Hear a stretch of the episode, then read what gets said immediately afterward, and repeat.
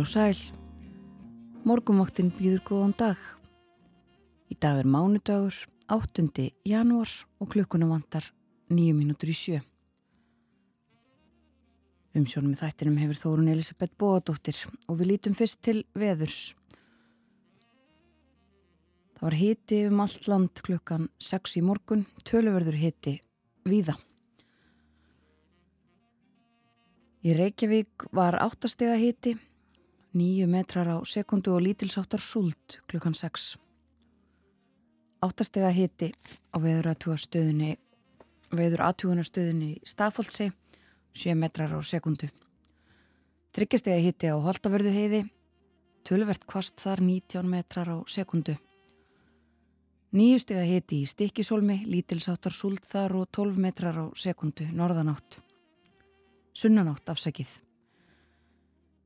Áttastega hiti á Patricksfyrði og hægur vindur, tíu stega hiti í Bólungarvík. Líka tíu stega hiti í Littlu Ávík, allskíja þar og sunnan sjö metrar. Seks stega hiti á Holmavík, sjö stega hiti á Blöndósi. Það var nýju stega hiti á Akureyri og hægur vindur. Líka hægur vindur á Húsavík og Rauvarhöfn, þar var 5 steg að hiti í morgun, 6 steg að hiti á Húsavík, 10 steg að hiti á Skeltingstöðum og 6 steg að hiti á Egilstöðum. 5 gráður á Höfni Hortnafyrði og á Kirkjubæjaklaustri, 2 og 3 steg að hiti á Hálendinu. Nú það var áttastega hitti á Stóruða í vestmannegjum og 16 metrar á sekundu og sjöstega hitti í Árnesi. Og það verður hlýtt á landinu í dag. Hittin á bylunu fjögur til 12 stig. Sunnan og söðaustan 10 til 18 metrar á sekundu, kvassast vestan til á landinu. Og súltiða regning með köplum en lengst af þurft á norður og austurlandi og það segir í hugleggingum viðfræðings að það sé lítil reyfinga á veðrakerfunum þessa dagana. Hæð yfir norðursjó og djúblægð söður af Grænlandi beina enn til okkar hlýju lofti úr söðuri. Það verður því söðlæg átt í dag og hiti yfirleitt á bylnu 5 til 10 stegan getur orðið nokkuð hlýra þar sem best lætur í njúka þeim. Littlar breytingar að sjá til morguns en á miðvöggudag dregur úr vætu og kólnar heldur þó verður hiti um landið á miðugudag samkvæmt spáni. Áfram þessar suðlægu áttir ríkjandi e, út fymtudaginn samkvæmt spáni. Svo tekur við vestlæg átt á förstudag og þá kólnar í veðri. um næstu helgi verður svo frost. Rigningin hefur skólað burtu uh, bleit, uh, klög, klaka sérstaklega kannski hér á höfuborgarsvæðinu og það er vetrarfærið uh, um allt landsankvæmt vegagerðinni en þó síst um vestanverðlandið og mikil hláka framöndan í dag og uh, mikil magna snjó sem að mun taka upp, segir í tilkynningu vegagerðarinnar.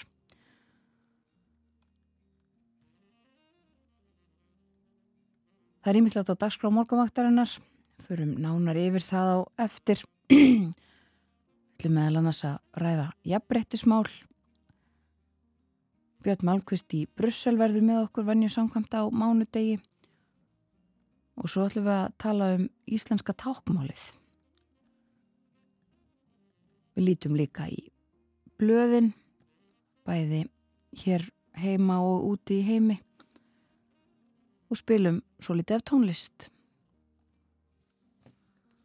Og það er komið að fyrsta lægi morgumvaktarinnar í dag. Það er uh, Elvis Presley sem hefði vist átt afmæli í dag, fættist 8. janúar 1935 í Mississippi í Bandaríkjónum.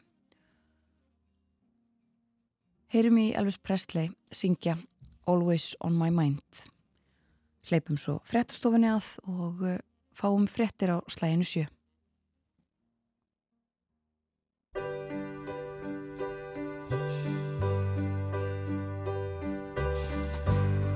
Maybe I didn't treat you quite as good as I should have.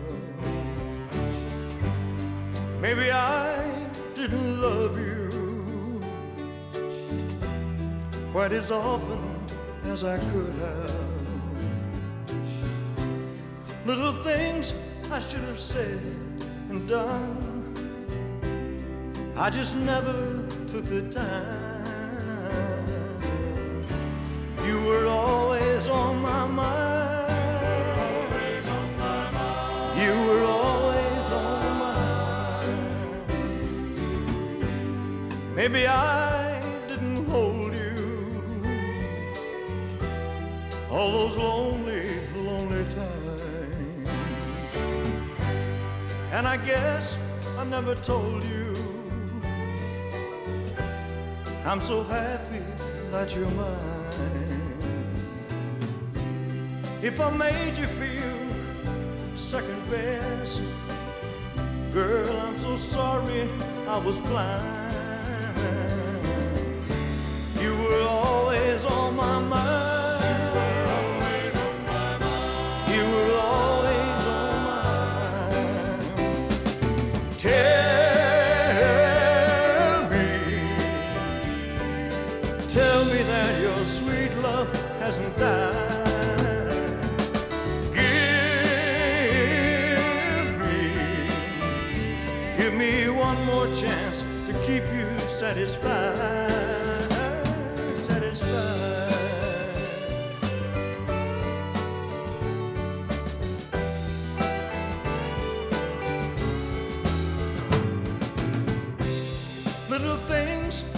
Have said and done. I just never took the time. You were always on my mind.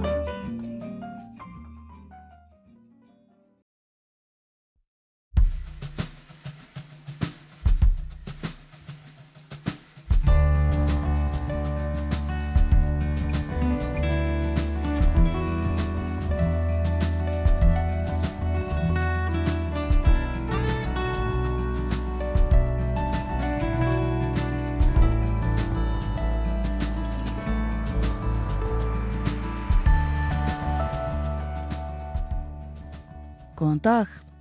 Morgunvaktin hilsar mánudaginn 8. januar. Umsjón með þættinum í dag hefur Þórun Elisabeth Bóðadóttir.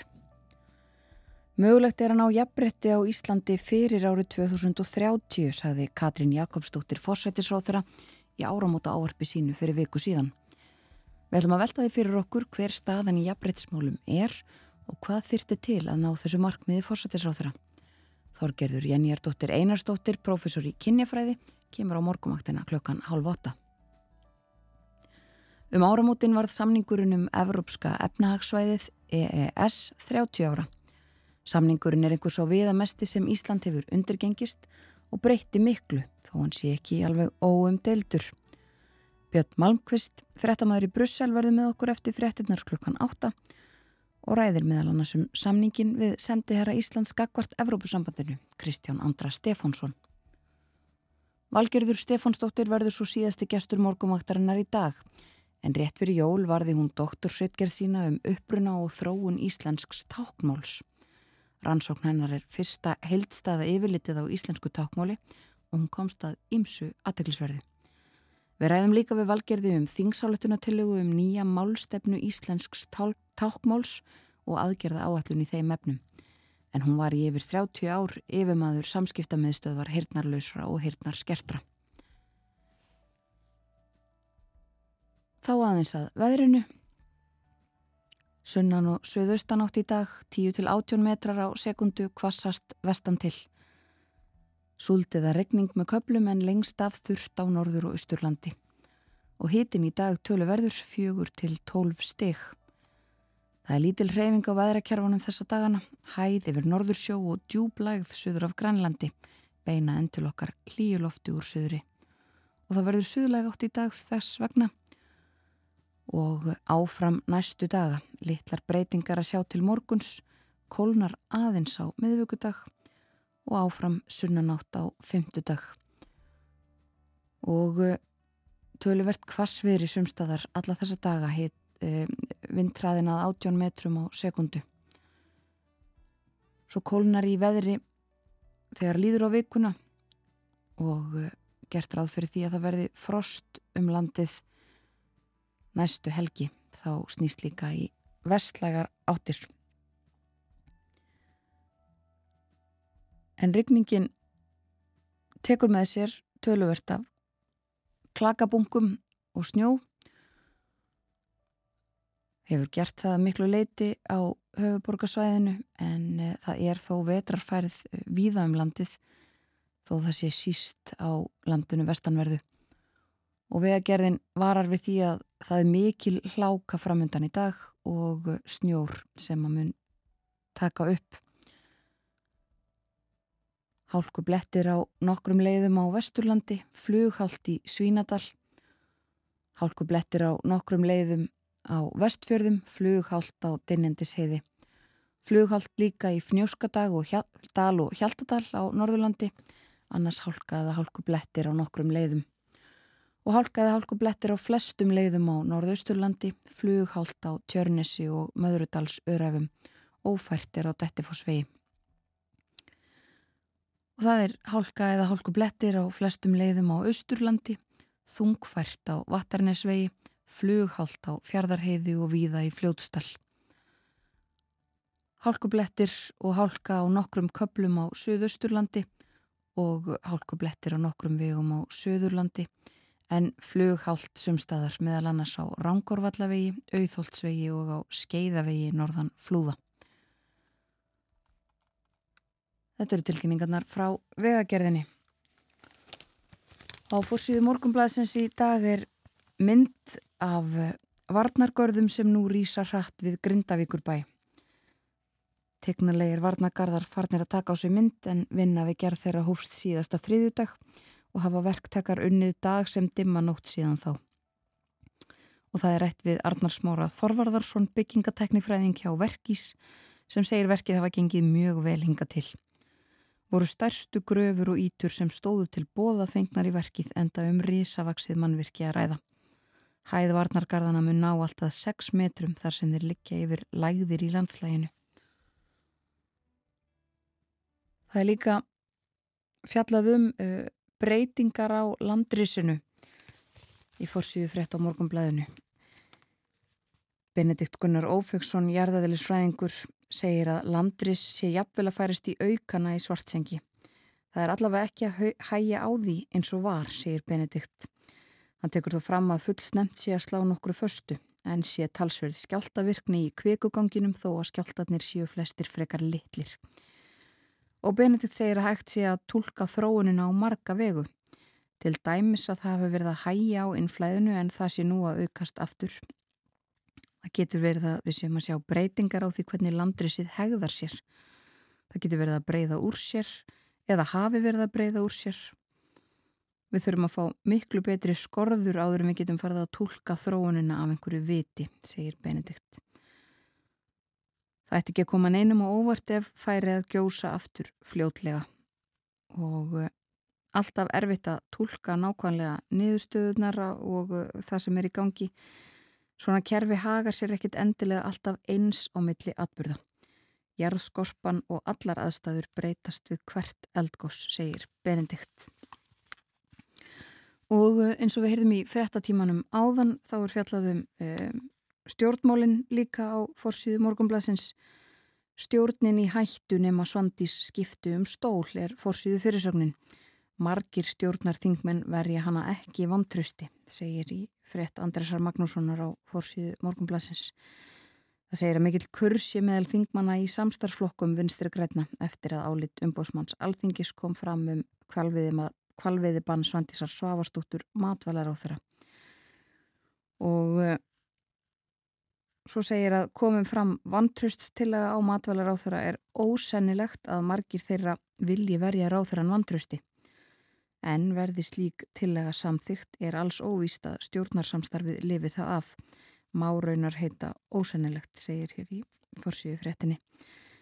Og rætt við þingmenn sjálfstæðarflokksins sem eru mun afdráttarlausari í sinni afstöðu en e, það segir hér líka hljóðið sér þungt í framsóknarmönnum. Og e, haft eftir ónemdum þingmanni sjálfstæðarflokksins að eina sjáanlega lausnin sé svo að hún fari í annað ráðunetti og það sé ekki mikill tími til stefnu áður en að þingið kemur aftur saman.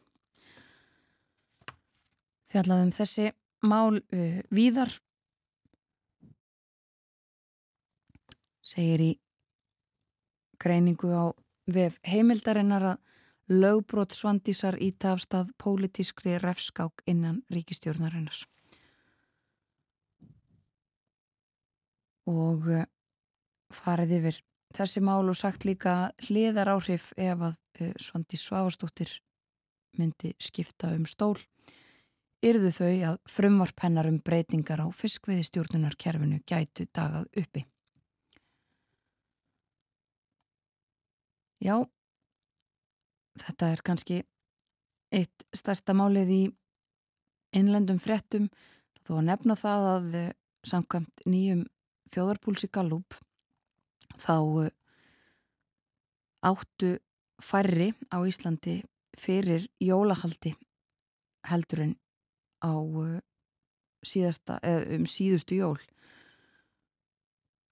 Fólk var spurt hvort það ætti fyrir jólahaldi, 86% landsmanna svöruðu játandi en 14% neitandi. Þetta er nokkuð breyting frá fyrra árið því 2022 sögðust aðeins 9% ekki eiga fyrir jólunum en það var endar lægsta hlutfallið síðan að Gallup spurði fyrst um efnahag fólks á jólum með þessum hætti.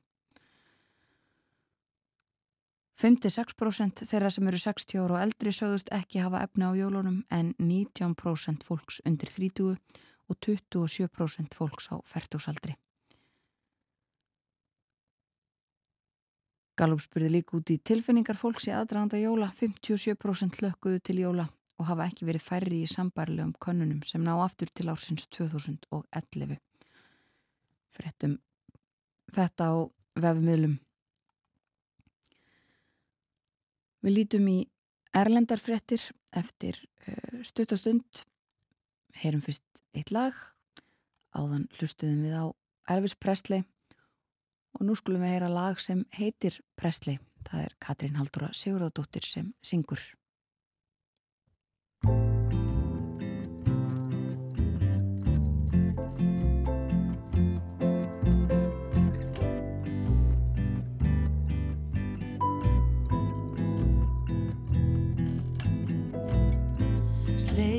Sleið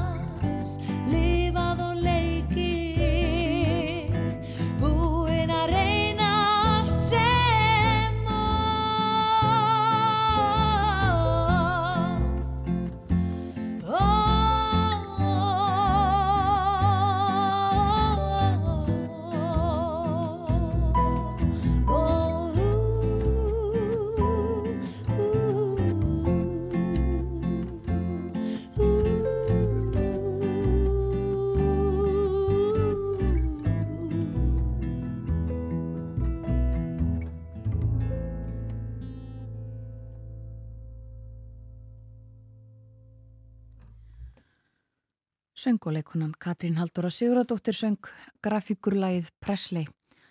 Þetta kom út á plötu Katrínar Halldóru Ást fyrir tvo sent í fyrra. Og með henni þarna eru þeir Hjörtur Yngvi Jóhansson á flíil, Birgisteinn Theodorsson á kontrabassa og Áskir Áskirsson á gítar. Skoðuðum aðeins innlenda fjölmela fyrir þetta lag og lítum nú aðeins út í heim. Byrjum á forsýðu politíkan í Danmörku, þessari stöttu yfirferð. Danir eh, eignast marktækt færri börn heldur en áður og eh, það hefur sitt að segja fyrir ríkiskassan. Þetta er svona gróf þýðing á forsýðu fyrirsögninni þar í dag. Verið að velta upp fæðingatíðninni við töluðum aðeins um þetta þegar Borgþór Artgrímsson var með okkur hér í síðustu viku Metti Freiriksson fórsættisráð þegar að rætti um uh, glasafrjókuna meðferðir í áramót ávarpi sínu þá að gera þær aðgengilegri og ríkið ætlar að borga meira. Og uh, fæðingatíðnin hefur lækkað í Danmörku eins og víða annar staðar á Vesturlöndum og er komin niður í 1,55 börn á hverja konu. Og það er langt frá þeim 2,1 barni sem að e, þarf til þess að viðhalda e, mannfjölda. Og e, fjallaðum það að það var gert ráð fyrir því árið 2022 að, að börnum myndi fjölga það árið fæðingum barna. En svo var það ekki raunin. Það voru næstum því 5.000 færri börn sem fættust heldur en spár hefur gert ráð fyrir og útlitt fyrir að svo verði aftur á þessu ja, nýliðinu ári en uh, það er ekki svo slæmt í byli það uh, er ódýrara fyrir ríkið, segir í þessari frétt líka. Nú á fórsíðin á Svenska dagbladet í Svíþjóð er rætt við Tóbías Billström, utaríkisráþara, um hlutverk Svíþjóðar í NATO þegar eh, ríkið kemst þangað inn sem ekki hefur enn orðið af. Og eh, Billström segir að Svíjar muni hafa 360 gráðu aðferð eh, að leiðaljósi þeir muni taka þátt í öllu sem að uh, bóðið er upp á og uh, NATO stefnir að.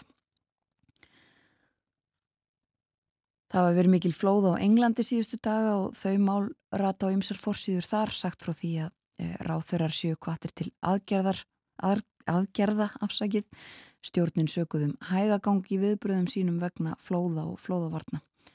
Það við flætt inn á 1800 heimili eftir mikla regningar og eh, líklegt að árflæði við bakkar sína áfram á næstu dögum. Og eh, svo kemur mikið kuldakast til Breitlands í kjálfarið. Talað um áhrif loftslagsbreytinga víða. Og eh, það er fjallaðum samkómulag sem að náðist í báðum deildum bandaríska þingsins í bandarískum fjölmjölum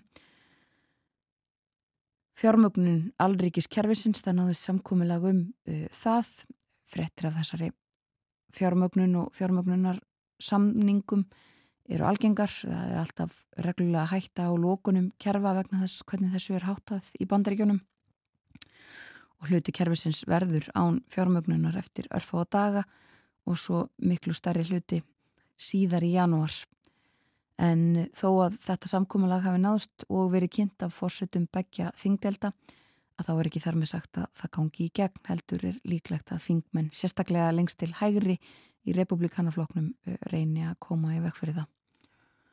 Og það er líka fjallaðum stöðumála í miðausturlöndum víða í erlendum fjölmjölum í dag. Antoni Blinken, utryggisáþurra bandaríkjana í Katar.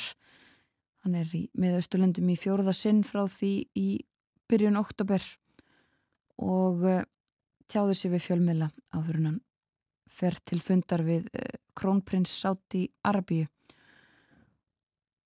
Hann uh,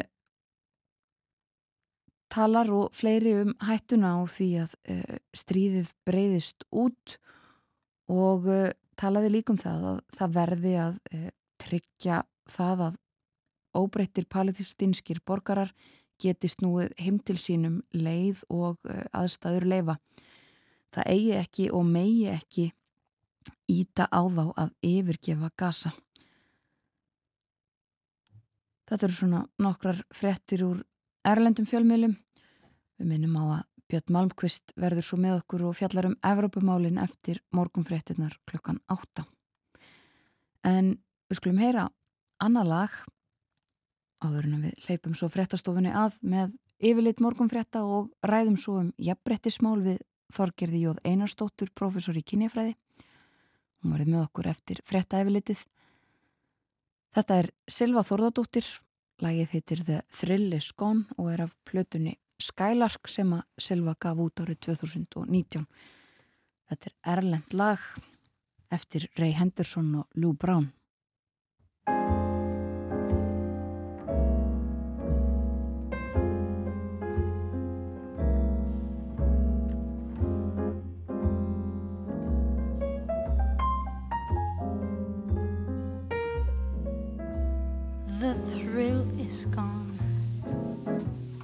The thrill is gone. I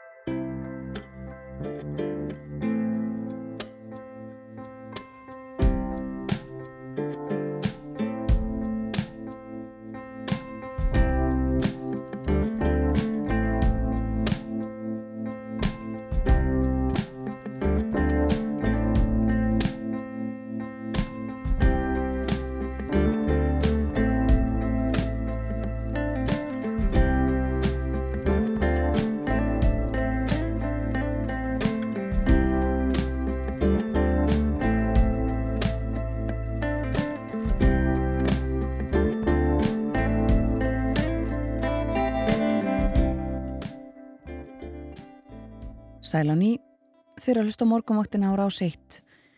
Yfirleitt morgunfréttaða baki klukkan er rúmlega hálf átta á þessum mánudagsmorgni. Það er komin 8. januar.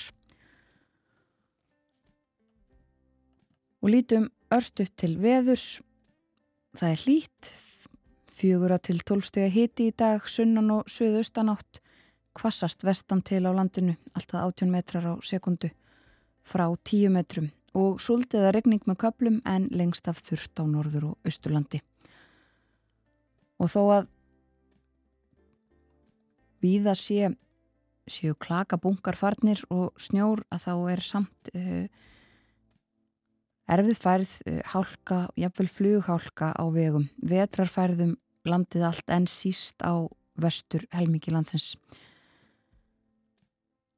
Og við minnum á að hér á eftir verður með okkur Björn Malmqvist fréttamæri Brussel. Við ætlum að ræða um samninginum Euróska efnagsvæðið sem fagnaði 30 ára afmæli um áramótin og sitt hvað fleira um Európumálin með bytni að loknum morgum fréttum klukkan 8 og í síðasta hluta þáttarins þá kemur hingað Valgeru Stefánsdóttir. Hún varði rétt fyrir Jólinn doktorsrýtgerð um uppruna og þróun íslensks tákmáls og það er fyrsta slíka rannsóknin og heldstæða yfirlitið á þeim málum. En eh, næstu mínuturnar að öðru. Við heyrum fyrst stutt brot úr áramóta ávarpi fórsættisráþara. Hún rætti þar um hvennaverkvallið í oktober síðastlunum og jafnbretti smálinn í framhaldinu. Heyrum aðeins í Katrínu Jakobsdóttur. Krafan var skýr, jafnbretti verður ekki náð nema við útrýmum kimbutnu launamun og kimbutnu ofbeldi. Ég hef í ófáskipti setið með erlendum bladamönnum sem sumi spurja af hverju enn þurfa að mótmæla misrétt og Íslandi sem mælist efst á flestum listum sem mæla jafnbretti.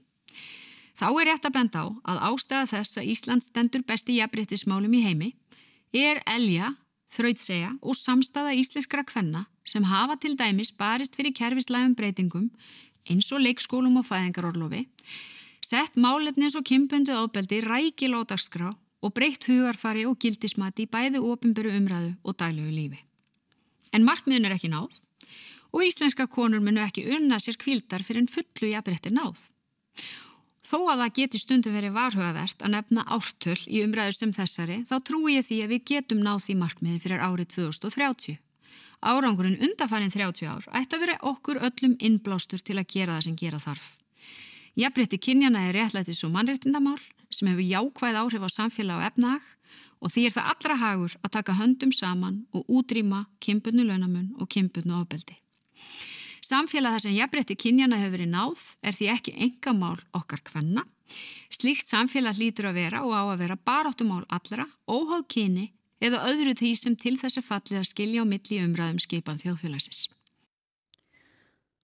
Þetta sagði Katrín Jakobsdóttir fósittisráþra í áramóta áarpu sínu að hún trúi því að hægt sé að ná jafnbretti hér á landi fyrir árið 2030. Það eru sex ár þanga til. Við ætlum næstu mínuturnar að ræða það hvar við stöndum hér á landi í jafnbreitsmálum og hvað þyrsti til þess að ná þessu markmiði. Hinga á morgunvaktina er komin Þorgerður Jenniardóttir Einarsdóttir, professor í kynjafræði við Háskóla Íslands. Velkomin. Takk fyrir. Um, ræðum aðeins fyrst þetta stóra hugtak, jafnbrettis hugtakið. Mm. Um, jafnbrettis hugtakið, það er mjög flókið og margrætt hugtak. Um, mér langar aðeins að nefna fyrst hérna ég hjó eftir þessu í áramönda áarpinu og rifjast upp fyrir mér uh, uh, grein sem að fórsettisraður skrifaði í 8. mars í vor. Uh, það var í kringum ráðstöfnu saminnið þjóðana, hvernig ráðstöfnu, og þá kom fram í þeirri greina að, að jafnbrettin alltaf eitt af heimsmarkmiðum saminnið þjóðana og það er stundum sagt að, að heimurinn eigi lengst í land með það markmið. Og þar talaði hún um, um bakslag, eh, til dæmis hvað snertir yfir áður eigin líkama, þungunarófslókjufuna, hún talaði um auðvitað kynbund ofbeld og launamun, ólöna vinnu kvenna í nefni áskorunum við tekninni, samfélagsmiðla og stafrænt eh, kynfellsofbeldi og þá nefndi hún eitthvað og þá leiði að veri þingri en tárun taki að þetta veri eiliga verkefni þannig að mér fannst þetta doldi svona áhugavert að væri slegin þessi tótt núna. Uh, en þegar kemur að þessu flókna hugtæki að, að þá getur við sagt að það sé menningarlega skilgreynd, breytilegt og aðstæðubundið, getur við sagt. Uh, það sem er talið jafnbreytt á einum tímapunkti þar það ekki á öðrum og mér finnst stundum áhugavert að rifja upp að árið 1926 þegar Bríett Bjarn Híðansdóttir hafi í higgju að, að bjóða fram sérstaklega kvennalista að þá sagði í leiðara morgunblæsis að það var nú kannski eitthvað viti í þessu ef ekki væri hér fullkomi jafnbretti og hafi verið lengi. Já. Og svo má líka hérna nefna hvað er aðstæðabundi að, að hún er ekki fyrstu fórsetur aðra sem að nefni þetta árið 2004 að þá nefndi þávarandi fórsetur aðra Davíð Oddsson eftir ráðstefnum um jafnbretti kynjana þá saði hann í, í sjónvarsviðtali að aukin sókn hvenna í mentun og baróttu þeirra muni skila sér í algjöru jafnbreyti kynjan á næstu 20 árum og það nú reyndar bara í ár. Einmitt. En reyndar bætti hann við, sem er nú alveg heiminn og hafa millir hans og, og núverandi fósittisraðra, að brínasta mál jafnbreytisbaróttunar í dag er að konur sjálfa samfærist um að kynferði þeirra skipta ekki máli fyrir launu þeirra þegar þær fara út af vinnumarkaðin. Og þetta er náttúrulega líka ákveðin skilningur á jafnbreytti. Þannig að maður kannski til að draga þetta aðeins saman, þá má segja, svona, við tólkum svona fræðilegar hugleggingar á mannamáli, að jafnbreyttis hugtæki það skapaði orðræðu og það byrtist í sem sagt, uh, þeim forsendum sem að liggja baki jafnbreyttis, stefnum og jafnbreyttis starfi og ekki síst svona mælingum og tólkun á likil hugtökum og þeim skilningi sem slík tólkun þvingar upp á okkur. Mm. Þannig að uh, mælingarnar, listanir sem að, að fórstýraðara nefndi, að þeir þvinga upp á okkur ákveðinu skilningi Já, sem endilega er ekkit uh, samstæðum. einmitt. Förum þá aðeins í þau máli mitt að því að það er, hún nefndi það eins og segir, eh, Ísland mælist efst á flestum listum sem mæla jafnbretti. Eh, Það er, eins og segir, það er sumt mælt en, en ímislegt sem vantar auðvitað í svona mælingar. Förum aðeins yfir þessa, þessa lista sem við svona reykjum okkur stundum af Já, eða oft. já, emitt. Uh, sko það eru um það byrj kannski 5-6 listar sem hafa verið í gangi, mismlandi þekktir og þessi listi uh, alþjóða viðskiptarásins, um, World Economic Forum, hann er bara einn af þessum listum og Ísland hefur verið efst á honum í mörg ára síðan eftir hrun. Uh, OECD uh, gefur út annan lista en Ísland er eitthvað ekki með á honum. Uh, Jafnbryttistofnun Evrópusambandsins út enn annan. Það er Svíþjóð efst. Já, ég glemt að segja hérna á OECD-listanum að hérna, ég veit ekki hvað Ísland myndi mælast þar, en uh, þróunar áallun uh, saminuð þjóðana gefur út lista og það er doldið aðglisvert að við auðvitað erum að vinna núna eins og allar þjóður eftir þessum heimsmarkmiðum saminuð þjóðana en samt vísu við þannig að lista hérna World Economic Forum sem er lítilstofnun en hefur náð, hvað við að segja, náð út eða með sem bóðskap Já. á margusluðu sviði. En, en Ísland er nú með þrjú á þessum lista saminuð þjóðana og þar er uh, mann, nei Sviss nummer eitt er ég mann rétt, Já. Norrögur nummer tvö. Nú þessi listar allir, þeir eru mjög ólíkir, bæðið fræðilega og aðferðafræðilega og þess vegna eh, hafa fræðingar eh, brínt mikilvægi þess að, að raukstuði alltaf vel samhengi og nótkun þegar að vera fjallum þá. Vegna þess að þeir geta verið mjög gagleir. Þeir, þeir, þeir eru kannski raun og verið hvorki vondinni góður í sjálfum sér ef að eru notaður réttan hátt og það má kannski benda á um, ef hægt er að nota þá á uh, sem bara til að fylgjast með uh, eigin framvindu á einhverju sviði uh, fókus er á svið þar sem að einhvers land vil bæta sig til dæmis hvað er þetta að gera eina þá hvað er þetta að gera á því sviði en þeir hafa dálti verið notaðir sem landkynning í uh, vörumerki, í markasetningu Mm. og í þeirri orðræða ímynd að þá er sem sagt um, sumulift upp en öðru sleft. Þannig að við erum að hérna, þetta er ekki hlutlega lýsing getur við sagt. Nei. En ef við tölum um þennan, já kannski best að nefna líka, Ísland er auðvitað ekki eina dæmið um land sem hefur uh, svona nýtt þetta í, hvað ég segja, í landkynningu. það gildi til dæmis um, um Rúanda eftir, eftir hérna, stríðið þar að þjóðarmorðin hérna 1994 e, þá voru þetta kynjakvotar og þeir fleittu Rúanda mjög hátt. E, það má líka nefna Svíþjóð og Kanada Svíþjóð í utanríkismálum og fleiri þeim dúr. Mm. þannig að við erum ekki einn um þetta. Nei. En Ísland er ekki jafnbrettis paradís? Nei, og ef við tökum, ég myndi ekki segja það, það er ekki mitt mat. Og ef við tökum þennan lista þar sem við skorum hæst og hefur svona komið okkur á heimskortið, jafnbretti held ég er að verða vörumerki Íslandsóldið, alltaf náttúrann og, og, og jafnbrettið og það má kannski skjóta því að það er ekkert mjög margir áratum síðan að Ísland á markasett e, út á konur. Uh, til dæmis auglsingaherrferði flugleð, flugleð og fleiri, semst one night stand þannig að væri uh, gott aðgengi að, að frjálslindum konum innan þannig mm -hmm. að þetta er daldi áhugaverðu viðsnúningur. En þessi mæling hérna alþjóðavískitarássins hún hefur fjóra stofir og er samsett af vísitölum. Stofnar það eru semst mentun, það er hilsa það er stjórnmál og efnasli þáttaka og það eru undirbreytur eða sem sagt breytur undir þættir sem að mynda vísitölu. Og það er alveg ótt að segja að þetta eru þetta er áhagvert í sjálfu sér en þetta eru þraungar og einhafar breytur og það virka mörguleiti handafórskendar það er eh, styrkunum við þennan lista það eru, eru mörglönd það er eitthvað í kringum 150 alltaf að aukast en reyndar hafa hini listatni líka mjög mörglönd undir uh, og það þykir styrku semst að hafa þá einhverja tölur að gogn uh, yfir öll þessi lönd sem hægt er að bera saman.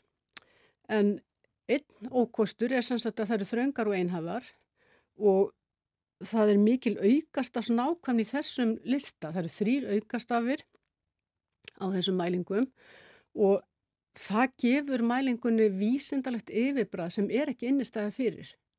Mannasetningar og þessar mælingar. Mm. og, og það er aldrei hæpið vera að mæla svona, með svona mikilvæg nákvæmni. Og þar að auki má segja að margar af þessum breytum uh, eða þessum grunnuru fyrir þessar mælingar stendur á breyðfótum, má segja.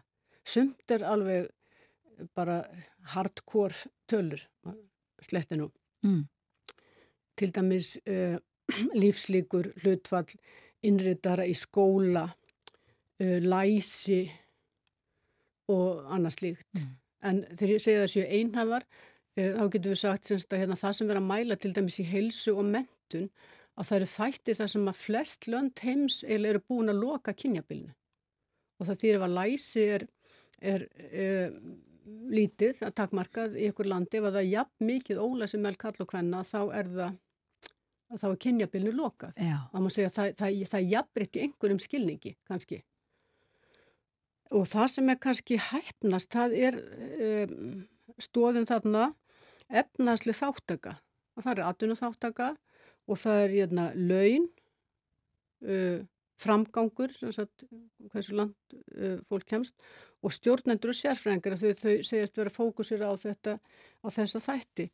En til dæmis launa... Uh, launabreitan, hún byggir annars vegar á áætluntekjum og hins vegar á uh, könnun meðal, uh, uh, það, það er bara könnun sem er gerð meðal, meðal framkvæmda stjóra, executives í, í sagt, þannig að það verðist vera haugla mæling og það er tekið fram í, í skýringum á, á mann ekki hvort það er allra síðustu, þannig að þetta er ekki, sagt, hvað var það, hörð uh, gögg þarna undir. Nei, og svo maður Já, nei, kláraðu endilega. Já, og svo maður segja hérna uh, stjórnmálalistin að það er svona hefbundi, það er hlutvall hvenna þingi og það er hlutvall hvenna uh, uh, í meðal ráð þeirra og svo er þetta sem er daldið áhugavert að það er tími sem að uh, tími sem að landið hefur haft hvern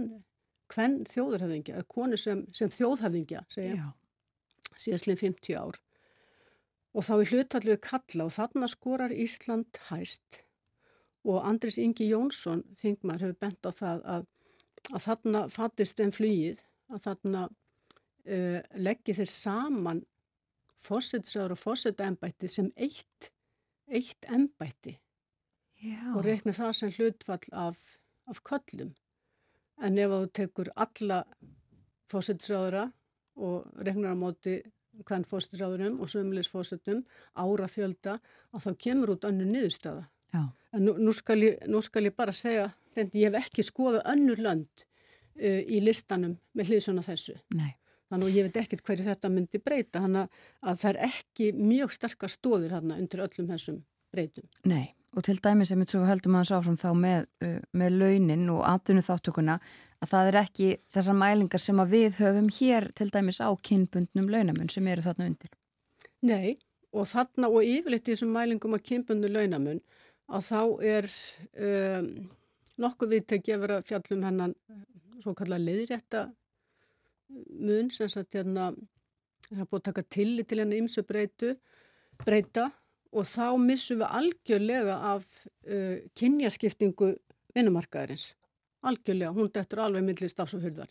Það er að segja hvenna stjettir eru yfirleitt verið metnar heldur en uh, kallastjettir. Já, þetta ólíkt virði starfa. Það er ólíkt verið í starfa. Já, sem ekki er mælt og, og hefur nú verið svolítið rætt uh, hér á landi bæði verði starfa og svo er það líka uh, svolítið umræða um sko verði ólaunaðara starfa sem að uh, konur vinna frekara, inna frekara hendi. Já, það er náttúrulega gríðarlega stórt svið og, og, og mikið til umræðu núna. Já, Um, og það er eiginlega bara núna fyrst uh, sem við farum að taka það, sem sagt, að skoða það af einhverju alvöru. Já. Og svo umræðu hefur svona fengið byrjundu báða vengi. hmm.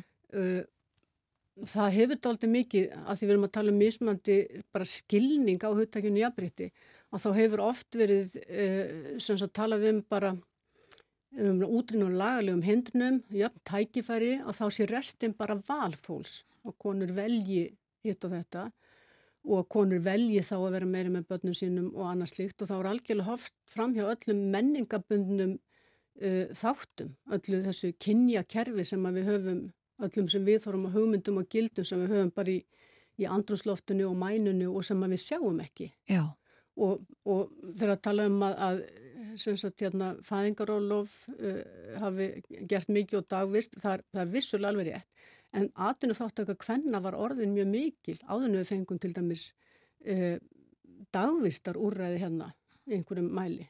En þá voru málinn bara leist með prívatrættingum og þá getum við hugsað hversu mikið lögðu sagt, þá ömmur mest býsti við, alltaf eitthvað var leitt með dagmærum, en þarna hefur verið líka unnin, gríðlega mikil óunnin, uh, ólaunuð vinna já.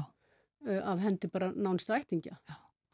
Og einmitt sko að því að, já, það er hægt að laga lög og, og, og, reglur og það er búið að gera það en það dugar ekki til þess að, að jafnbretti hafi náðust, ég minna kynjakvotar, jafnlunavottun, uh, það má ekki mismunna fólki samkvæmt lögum. Um, en er þá einmitt uh, hægt að tala um að kynjajafnbretti náist einhver tíman ef að, ef að staðan er ennþá þessi og, og, og einhverju vilja segja bara restin er bara valfólks Já, gott þú nefndi kynjajabrétti, því við erum að tala um kynjajabrétti hérna, nú erum við búin að vika umræðan út, og, en við verðum samt auðvitað líka að geta að tala um kynjajabrétti. Uh, ég myndi gælda varhug við því að taka umræðana í þessa átt. Fyrstulega setja eitthvað hérna, ártal á það hvernar kynjajabrétti verði náð uh, og þá byrju auðvitað líka að hafa í huga þar, þetta getur auðvitað líst metnaði og áhuga málaflóttum og það er mjög gott og lagasetning Íslandingar hafa verið döglega við að setja lög, þeir hafa ekki verið hrættir við það. En það er bara ein hliðin á þessu máli. Mm.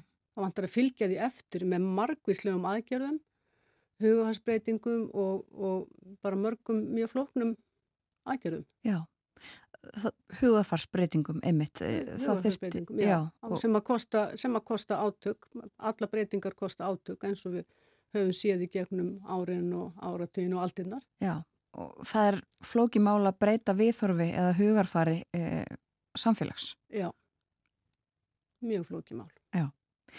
og svo er eitt eitthvað sem við höfum ekki komið inn og núna sem er kynbutu ofbeldi og áreiti er hægt að tala um að jafnbreytti sér náða meðan það viðgengst?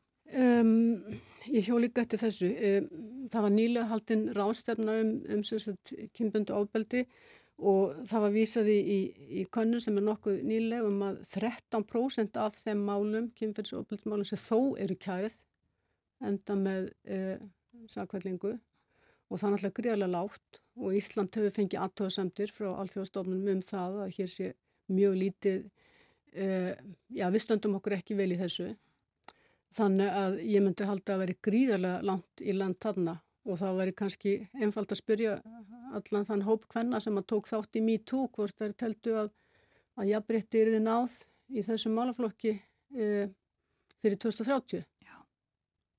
Ég hefast um að, ég hefast um að það fengi mikið hljómgrunn. Já, það er allavega ljóst að það þyrti að gera ansi margt uh, ef, að, ef að þetta markmið ætti að nást en ef einmitt uh, það verður farið eitthvað lengra með þetta markmið og, og uh, þennan þetta ártal hvaða mæli hvar það ætti að nota hvernig og hvenar verður hægt að segja að jafnbritti hafi verið náð ég hef mjög mikið hugsað um þetta. Ég veit ekki hvort að þetta er mjög farsal nálgun. Ég hef stundum hugsað um þetta uh, hliðsta tötakinu líðræði.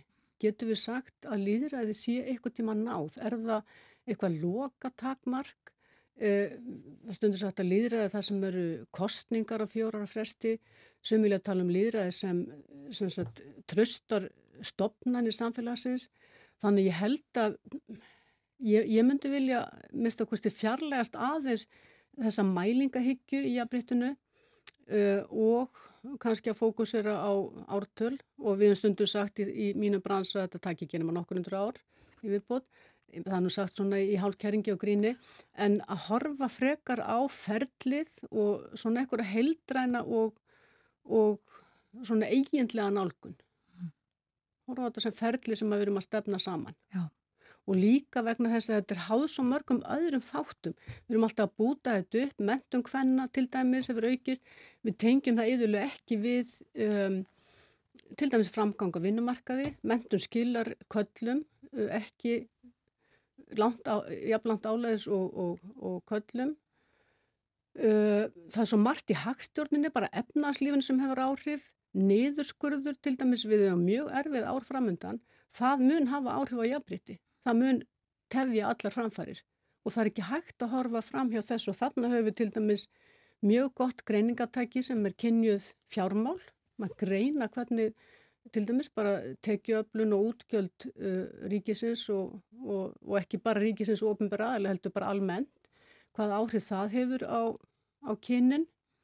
Þannig að við eigum svo mikið á góðum greiningatækjum til að kafa ofan í hluti önnur heldur um bara þessar einhæfu yfirbórslega mælingar þó þær séu geti verið góðar til síns brúks. Mm. og mér finnst að við þurfum að fara meira inn á þær leiða meira inn á þær brautir. Já. Við komumst ekki lengra. Takk fyrir að koma til okkar á morgumaktina Þorgjörður Jenjardóttir Einarstóttir professor í kynjafræði og ræða um markmiðið um kynjajabrætti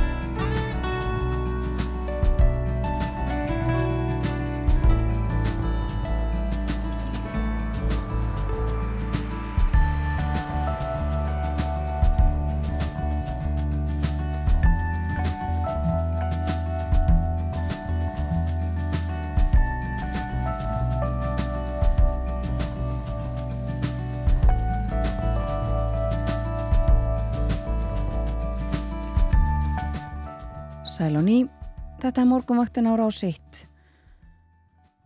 Morgun frettinnar að baki, klukkan tæpar 6 mínútur gengin í nýju og það er mánudagur í dag 8. janúar.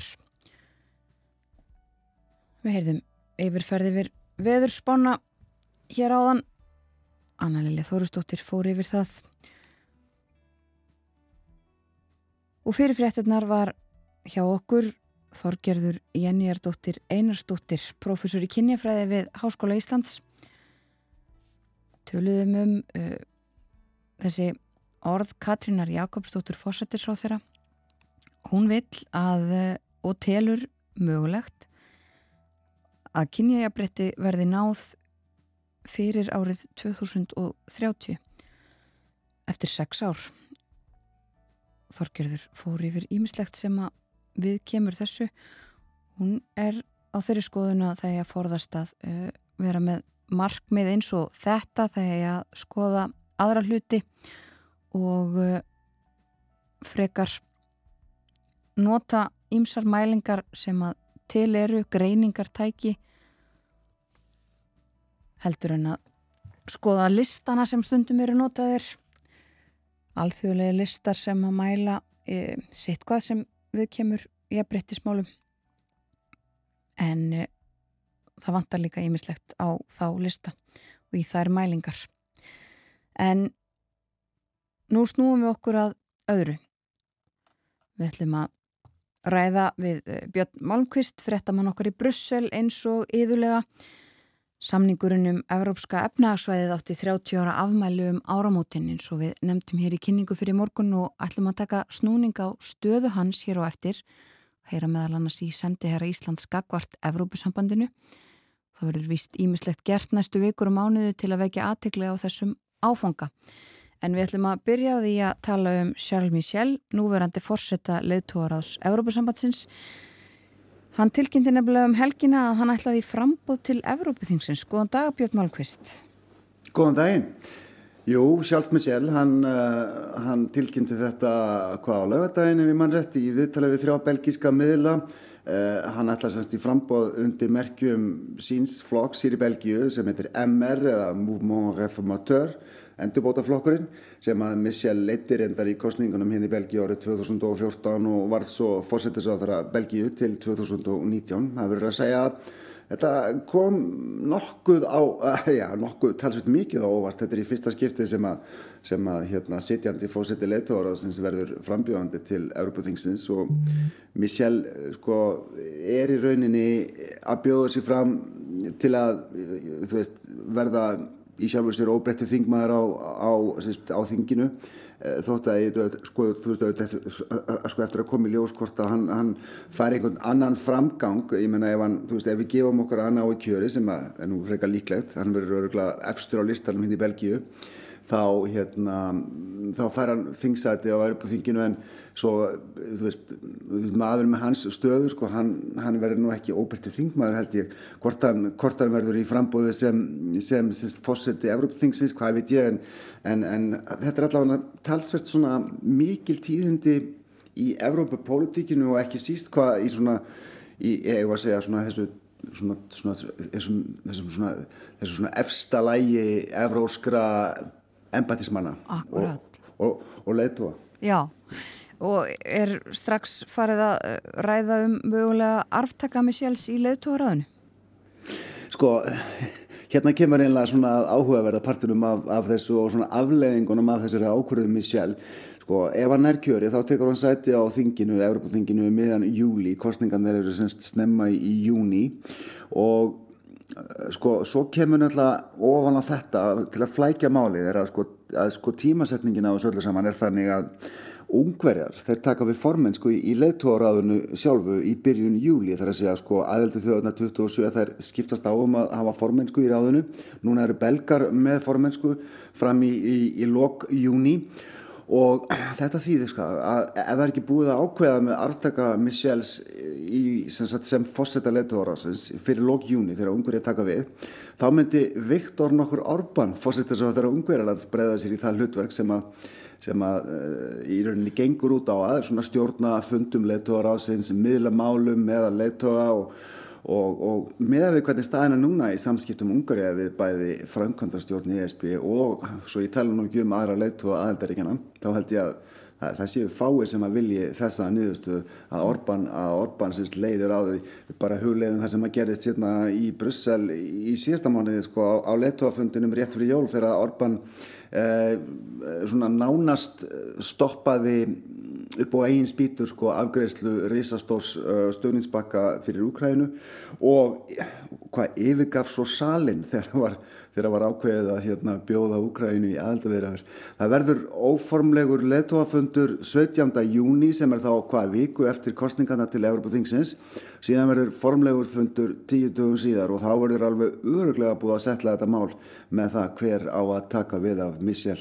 Já mikill vilið til þess að Orban taki ekki við þessu þannig þó að það veri tímafundi en hafa einhvern nöfn það er ekki, ekki, það er svona takmarkaði vilið já, til þess já. en hafa einhvern nöfn verið nefnt hinga til Nei, þetta er nú rétt svona að fara af stað sko, mm. það er mhm. engin nöfn sem að hafa svo sem byrst openbilla, ég ætla ég ætla að lefa mér að kasta fram til Mark Rúte sem er starfandi þeirra Holland sem að fer að hætta bráðum, gerir þér á fyrir, takist Hollandingum einhver tíman að mynda starfhæfa ríkistjórn, það er ekkert það er ekkert að frétta í, sjálfur sér frá Hollandi eftir enn stór sigur sem að frelsinsflokkur Gert Wilders uh, sigraði eða vann í hvaða november mm. uh, það getur nú oft tekið marga mánuði að mynda ríkistjórn í Hollandi þannig að það er kannski ekkit ekki skrítið svo má líka, ég menna, það má ímynda sér kona á borð við Kersti Kaljulætt sem var fósitt í Eistlands dangotil fyrir hvaða tveimur árum, hún var mjög flott í því ennbætti sko þetta verður einhver svona samkvæmisleikur hinn í Brussel næstu vikunar rétt eins og á Íslandi, eða ekki? Jú, með hérna fórsættikostingarna en sko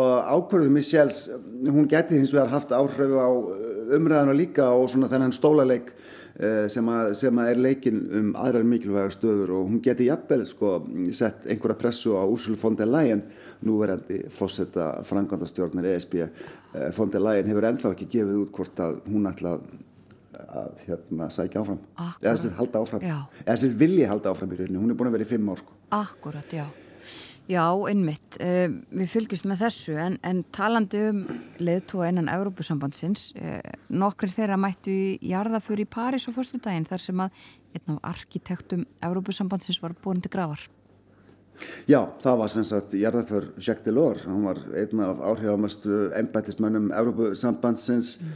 fyrr og síðar leiði ég mér að segja. Hann, hann hérna, Delor hann dó núna hvað millir jólun í jás hann var, hann var reyndar ráð þeirra í stjórnum Fransúa Mitterrand í Fraklandi og svo var hann fósitt í frangatastjórnir ESB frá 1985 til 1995 Þa, það var náttúrulega ansið viðbörðaríkur áratugur í Európu svo ekki sé meira sagt. Ég menna við erum að tala um saminningu Þýskuríkina tveggja, við erum að tala um endalóg Sovjetiríkina sálögu, kaldastriðsins þar með, við erum að tala um endur komu austantjálfsjóðana til svona í hóplýraðisríkja og, og náttúrulega öll sóttust rosalega mikið eftir yngöngu uh, í alls konar alþjóðastofnunir þar með talið að sjálfsögðu Európusambandið og NATO Já. þannig að Delors uh, livði og starfaði hér á, á gríðarlega miklum svona breytingatímum. Akkurat, já og það eruðu miklar breytingar á Európusambandinu sjálfu á þessum tíma. Nákvæmlega, það, það bættust fimm ríki við uh, sambandið á þeim tíma sem Delors var, var, var fósetti eh, Portugal og Spátn árið 1986 og síðan Finnland, Svíþjóð og Östuríki árið 1995 það var kannski svona afleiðingin af þróunmála í östurluta Evrópu og, og hérna því að, að Sovjetirikinn leiði undir lok þá náttúrulega kannski leið, leið finnum og kannski svíum líka og, og reyndar Östuríki betur með að, að ganga í þetta, í, í þetta samband. Uh, þetta voru náttúrulega breytingar sem að Delors átti stóran þátt í á sínum tíma. Hann, meina, hann hefur verið kallaður og ekki ástæðulegs arkitekt af þeim struktúr sem að Evrópussambandið í rauninni býr að í dag, ég menna á þessum tíu árum sem hann var fósetti frænkvæmdastjóðanar, þá til dæmis var til indimarkaðurinn með sínu fjórfrelsi eins og það er kallað, það gerðist árið 1993, um, það var vinnuhópur undir hans stjórn sem að laði til stofnun Evrunar, það er að segja þessar samílu myndar sem var síðan samtíkt í Maastricht sáttmálanum 92 þegar Evróska efnahans bandalagi var að Evrópus sambandinu eins og við þekkjum það í dag. Og Svo átti náttúrulega til á þetta er stóran, ef ekki stærstan þátt í því að Evrópusambandið og EFTA-ríkin, þar að segja Ísland þar með, fór að tala saman á hvaða nýjöndu áratögnum um, um nánari efnahagsleg tengsl. Þú heyri hvert ég er að fara með þessu. Já, beint yfir í samningin um Evróska efnahagsvæðið. Nákvæmlega, sem að, sem að tók gildi 1. janúar 1994 fyrir 30 árum pluss hvað viku. Uh, sko samningavirðar um þennan samning, eða sérst viðræðar um þennan samning hófust 1990, politískum viðræðum laukum það byl ári síðar og, og hann var semst eins og ég segi 30 ára fyrir rúmri viku. Já, og að margra mati er EES-samningurinn einhver mikilvægasti alþjóðasamningur sem Ísland hefur gert. Já, ég held að það sé ekkert ofsagt, það er alveg sama hvað fólki finnst um hann, þá er þetta viðamesti samningurinn sem við höfum gert og hann hefur auðvitað haft í förmið sér alls konar breytingar á áreglgerðum, hvað var það atvinnulíf, vinnumarkað, fjármálaþjónustu, menta og menningamál og hvað við veit ég. Og það er kannski, það er kannski líka svona í þessu samingi sko áhugavert að, að minnast á sko, þegar var verið að semja um EES-samningin og, og þegar var skrifað undir hann 1992, hann tók gildi 1994 Sko á þeim tíma voru 12 ríki í því sem að þá hétt efnaðarsbandalega Európu, var síðan Európsambandið, mm. voru sjö ríki í EFTA í frívæslanars samtökum Európu. Uh, hérna, ári eftir að samningurinn tók gildi, árið 95, þá voru þrjú ríki eftir í EES, Ísland, Noregur og Liechtenstein, uh, eftir að sérst, Sviss hafnaði þessum samningi og ákvaða að fara sína eigin leið. Og Svíþjóð, Finnland og Östuríki voru gengin í ESB þannig að þá voru eftir Ísland, Norður og Líktanstæn og þá voru komin 15 ríki í Európa-sambandið og reyndar munið ekki droslega miklu að Noregur gengi í Európa-sambandið árið 94, þar var nefnilega aðild e, það var samið um aðild e, en henni var hafnað í þjóðaratkvæðagreyslu í november 94 með hvað rífilega 52% um atkvæða. Mm. þannig að sko í þessu ljósi þá má kannski segja við getum verið bara ansi kátt með það að þessi samningur og okkar aðgangur á einri markaðunum og öllu öðru með þeim skiljaröðum sem, sem að því fylgja hafa haldið í þessu 30 ára því að það eru þetta svona talsvert, ég var að segja efnahagslegt og, og svona valda ójafvægi millir þessar að tvekja samningsæðina ég minna að Ísland, Nóriður og, og líktens það eru hvað samtals innan við 6 miljónir íbúa. Og Európa-sambandið telur hvað 470 miljónir minni mig 27 ríki. Ég heiti Kristján Andra Stefánsson sendiðar Íslands kakvart Európa-sambandinu núna um helgin og við rættum aðeins framöndan hvað er framöndan hérna í Brussel hvað var þetta ammales ár, það verður rýmislegt gert til þess að minnast samningsins og vekja í rauninni aðtikli á hann það er náttúrulega stöðu bara átt að líka að halda þessum samningi uh, í umræðinu og halda fólki vakandi fyrir mikilvæg. En við slumum heyra hvað hvað Kristján hafði að segja.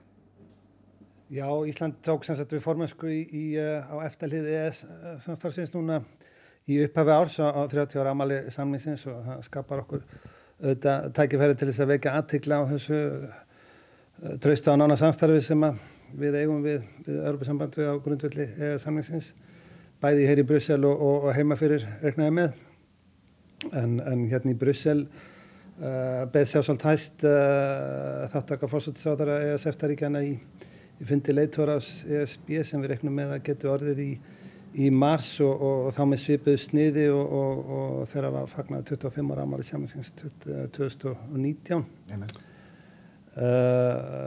hins stóri viðbyrðurinn sem við erum að horfa til væri með þáttöku auðarrikiðsáþara ESF-taríkjana þegar þeir komið hingað á, taka, á fund EES-ráðsins í vor. Það er vettvakurinn þar sem þeir, þeir funda með, með fóristu ESB og um, við höfum þá hortið þess að efna til, til sérstags fundar um, um, um framtíð innri markaðarins en, en, það er svona innri markaðarinn átti líka 30 ára amali á, á, á síðast ári og, og það hefur verið til umræðu hvernig með ég vinna því að ebla sankeppnishæfni hans og, og, og nýta hann alltaf að tryggja efnaðslegt öryggi í, og, og já, hagvarnir aðaldaríkjana hefur við kallað það. Sko það var einmitt, ég var einmitt að minnast á, á, á, á Jacques Delors hérna áðan, ég minna hann, hann dó bara um daginn og, og var sér spórundingur af ára á förstu daginn, hann er náttúrulega, hann var framkvæmda, hann var fórsetið framkvæmdastjórnar í ESB, hvað 85-95, það var hann sem að,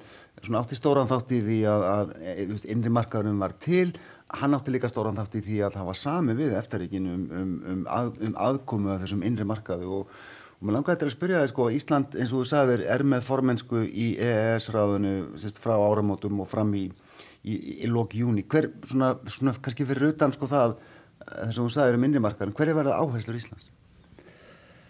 Já, uppfæsla EES-samningsins er þetta viðvarandi verkefni sem allar formenskur uh, leggja áherslu á að halda í, í góðum takti í og þar er við þetta engin undatekning og staðan á rekstri samningsins er, er almennt góð þó að það séu svona ákveðin svið sem við þurfum að hafa augun á. Og horfum þá sérstaklega til fjármálastar sem er staðla og tölfræði og, og orkumála í því samingi mm. en líka gerðir sem varða heilbreyðismál og, og viðberöð við, við heilsubá uh, verði í forgangi. Þar hefur náttúrulega samstarf á því sviði hefur, hefur rækla sann að gildi sitt í, í, í, í faraldrinum. En, en við munum líka fylgjast grannt með þessari umræðum um framtíðinri markaðins og, og viðletni SB til að efla og, og tryggja uh, samkeppnishefni hans uh, um, Serðu fyrir að það, sko, serðu fyrir að svo umræða hér og ég veit að það er sko skýsla í undirbúningi með um stöðinri markaðarins uh, á vettfangi Európa-sambandsins serðu fyrir að svo umræða eigi á einhvern nátt eftir að svona, hvað við segja, hafa áhrif á, á það hvernig þetta samstarf og, og hvernig þessi samlingu virkar Já, þetta hefur verið umræðið sem verið ofalega bægi uh, innan ESB alveg síðan í, í faraldrinum og, og, og haldið áfram eftir að rúsa riðast inn í Úkrænu núna fyrir, fyrir hartnar tveimur árum. Og sambandi hefur breyðist um með því að nýta, maður segja, að tækja inn í markaðins til að auka efnahænslegt öryggi í Európu og, og, maður veit að búast við því að, að ráðstafana sem varða efnahænslegt öryggi verði, verði vaksandi hluti á löggeðastarfi ESB og næstu árum, þannig að ESF-taríkinn þurfa að vitanlega fylgjast með þeirri umræðu með út frá sínum hagsmunum átt að sjá hvernig það, það, það snertir okkur og, mm. og þá koma okkar áherslum á framfæri í tættu það. Bara eitt að lókum Kristján, það var sami nýlega um sérst, framlög Íslands, Norræs og Líktinstæðins í uppbyggingasjóðin annars vegar og svo um sérst, í rauninni aðgang uh, að innri markaðunum hvað var það sko, sjávarafverður og landbúnavarafverður uh, það vannst ímislegt á í þeim viðræðum og niðurstaðan var svona einhverja kannski að skapi en kannski ekki alveg í samræmi við þau markvið sem að, að, að upphálega var, sko, var lagt upp með. Það, er talað um einhverja hend, svona, svona heldar endurskoðun á, á viðskiptakjörum Íslands sem á að fara fram á, á næstu misserum. Séru fram á að það gerist Já, það er uh, mikilvægt í, í tengslu með þessa samninga var, var í fyrsta skipti gefin út sammeili yfirlýsinga alveg í Íslands og, og, og frangatjónar í SB um, um að taka til heildar endurskoðuna þau visktakjöru sem við njótum uh, við, við innri markaðin og, og það, er, það er verkefnið framöndan. Mm -hmm. Já, þannig heyrðum við sendið hér Íslandska kort Európusambandinu. Já, uh, við erum góðum aðran Kristján. Uh, hvað annað er að gerast í Evrópu? Jú, það eru bændur í Þýskalandi eru með talsverð mótmæli sem að byrjuðu snemma í morgun. Það, er, hérna, það eru þúsundir traktora væntanlegar á guttur og ræðbröttir Þýskalands Já. í dag og næstu dag. Og að hægja á umferðinni eða stoppa hana? Já, sko, tilgangurinn er náttúrulega að, mótmæla eða vekja aðtikli á málstað þeirra og mótmæla áformum þýskra stjórnvalda. Það er verið að ræða fjárlögi núna í Þýskalandi mm. uh, og þið hefum nú talað um þetta við Artúr, veit ég, um þessa 60 miljardar evra sem að vantar í fjárlögin út, út af dómi sem að fjall uh, nýlega, eða sérst á síðast ári í Þýskalandi, það sem að komið ljósa að Þísk stjórnvald mátt ekki nota ákveðna upphæð sem þau hefur reiknað með í, í, hérna, í fjárlegin langsagarendar og við slúmum ekki fara nánar út í það en afleðingin er að það á að gera alls konar skerðingar og stendur til að gera sérst, skerðingar á fjárlegum þar að meðal eh, hefur hafa stjórnvald eh, verið að hugsa um að skerða, hvað við segja, niðugreslur á eh, eldsneitis á eldsneiti þar að meðal til sko í, sko, í landbúnaðin þetta eru, þetta eru, þetta eru þýskir bændur afar óanaði með.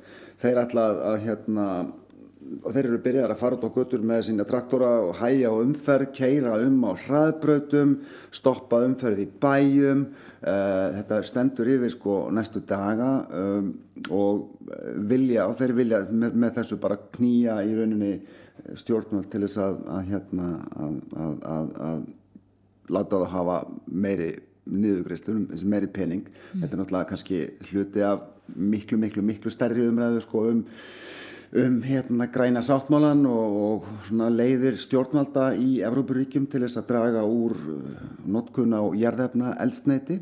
Um, þannig að það er svona, það er ímis, það er ímisir hagsmunni sem að takast þarna og ekki náttúrulega bara í Þýskalandi en þetta er kannski mest ábyrrandi þess að dagana á þýskum hraðbrutum ef að þeir, ef einhverjur Íslandis íslenski hlustendur eru að fara til Þýskalands og ætla að keira þar næstu dag þá ættu þeir að hafa þetta í huga þeir getu, þeir getu lent um, fyrir aftan langa lest af traktorum á Þýskum hraðbrutum Einmitt það. Kæra þakki fyrir í dag Björn Málkvist í Brussel. Takk fyrir mig Við förum að leipa fréttastofunni að yfirleitt morgun frétta næst á dagskrá morgunvaktarinnar og svo ætlum við að ræða um Íslands tákmál, uppruna þess og líka um framtíð þess.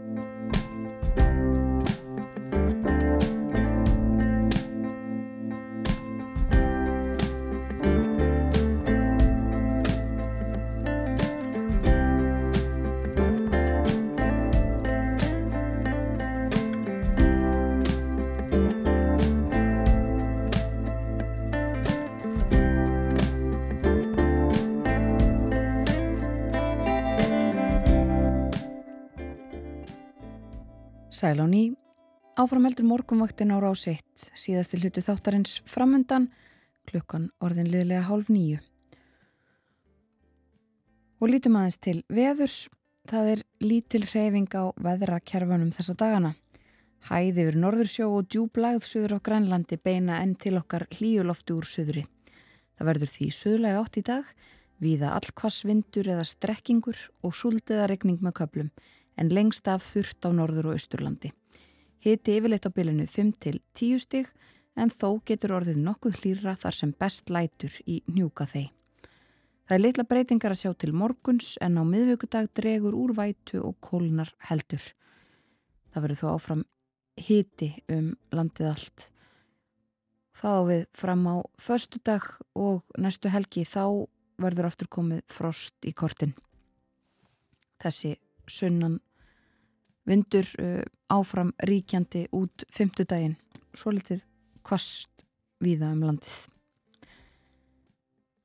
En í síðasta hlutu þáttarins í dag ætlum við að ræða um Íslenskt tákmól eins og við nefndum í kynningu hér snemma í morgun. Bæði um uh, já, uppruna, uh, um íslenska tákmálið og uh, horfa aðeins líka til framtíðarinnar. Valgjör Stefánsdóttir er síðasti gestur morgumáttarinn er í dag. Rétt fyrir jól þá varði hún doktorsritger sína í mannfræði um uppruna og þróun íslensks tákmáls. Velkomin á morgumáttarinn Valgjörður og til hamingju með uh, þetta. Þakka ég fyrir. Við ætlum að tala um uh, rannsóknina þína. Þetta er fyrsta heldstæða yfirlitið á íslensku tákmáli, er það ekki? Jú, það er það og uh, hefur lítið verið vitað um málið uppruna þess og, og hvernig það var til en það var það í, í leini eiginlega og e, var bara þörf á að vita, vita eitthvað um það Já. og það sama gildir um sko hernalust fólk fólk sem að bjóð til Íslands tákmál að það er ekkert til í sögunni svo leiðis að, að það, var, það er hverkið hægt að finna upplýsingar um þetta Nei, en hvernig fórstu þó að? Eh, það er nú hægt að finna mikið af upplýsingum í bara þjóðskjálasafni og, og, og víðar mm. en það sem að ég gerði sko til þess að mál verði til þá verður að vera til samfélagsfólks sem þar sem það sprettur upp Já. og það eru til upplýsingar um hverju voru hernalisir og það sem ég skoðaði var hvenar lágu leiðir þeirra saman þannig að þeir gáttu umgengist fyrir annan og mál gætt byrjað að þróast. Já. Og það hefur verið uh, talið að Íslandst tákmól komi úr dönsku tákmóli. En, Já, uh, og það var eitt af því sem ég langaði til að skoða vegna þess að ég hafði ekki trú á því. Ég, það fræðimenn höfðu haldið þessu fram í, á Norðurlöndum til dæmis og bara ef maður fór að hugsa málið þá, þá gati þetta ekki staðist. Þannig að fyrsta, verk, fyrsta skrifi var að leita öllum og sko þeir byggðu þessa uh, skoðun sína eða tilgáttu á því að það voru að því er menn heldur þá 24 íslensk börn sendt til Danmerkur í skóla frá 1820 fór fyrsta barnið. Já. Og framundir lok 20. aldar.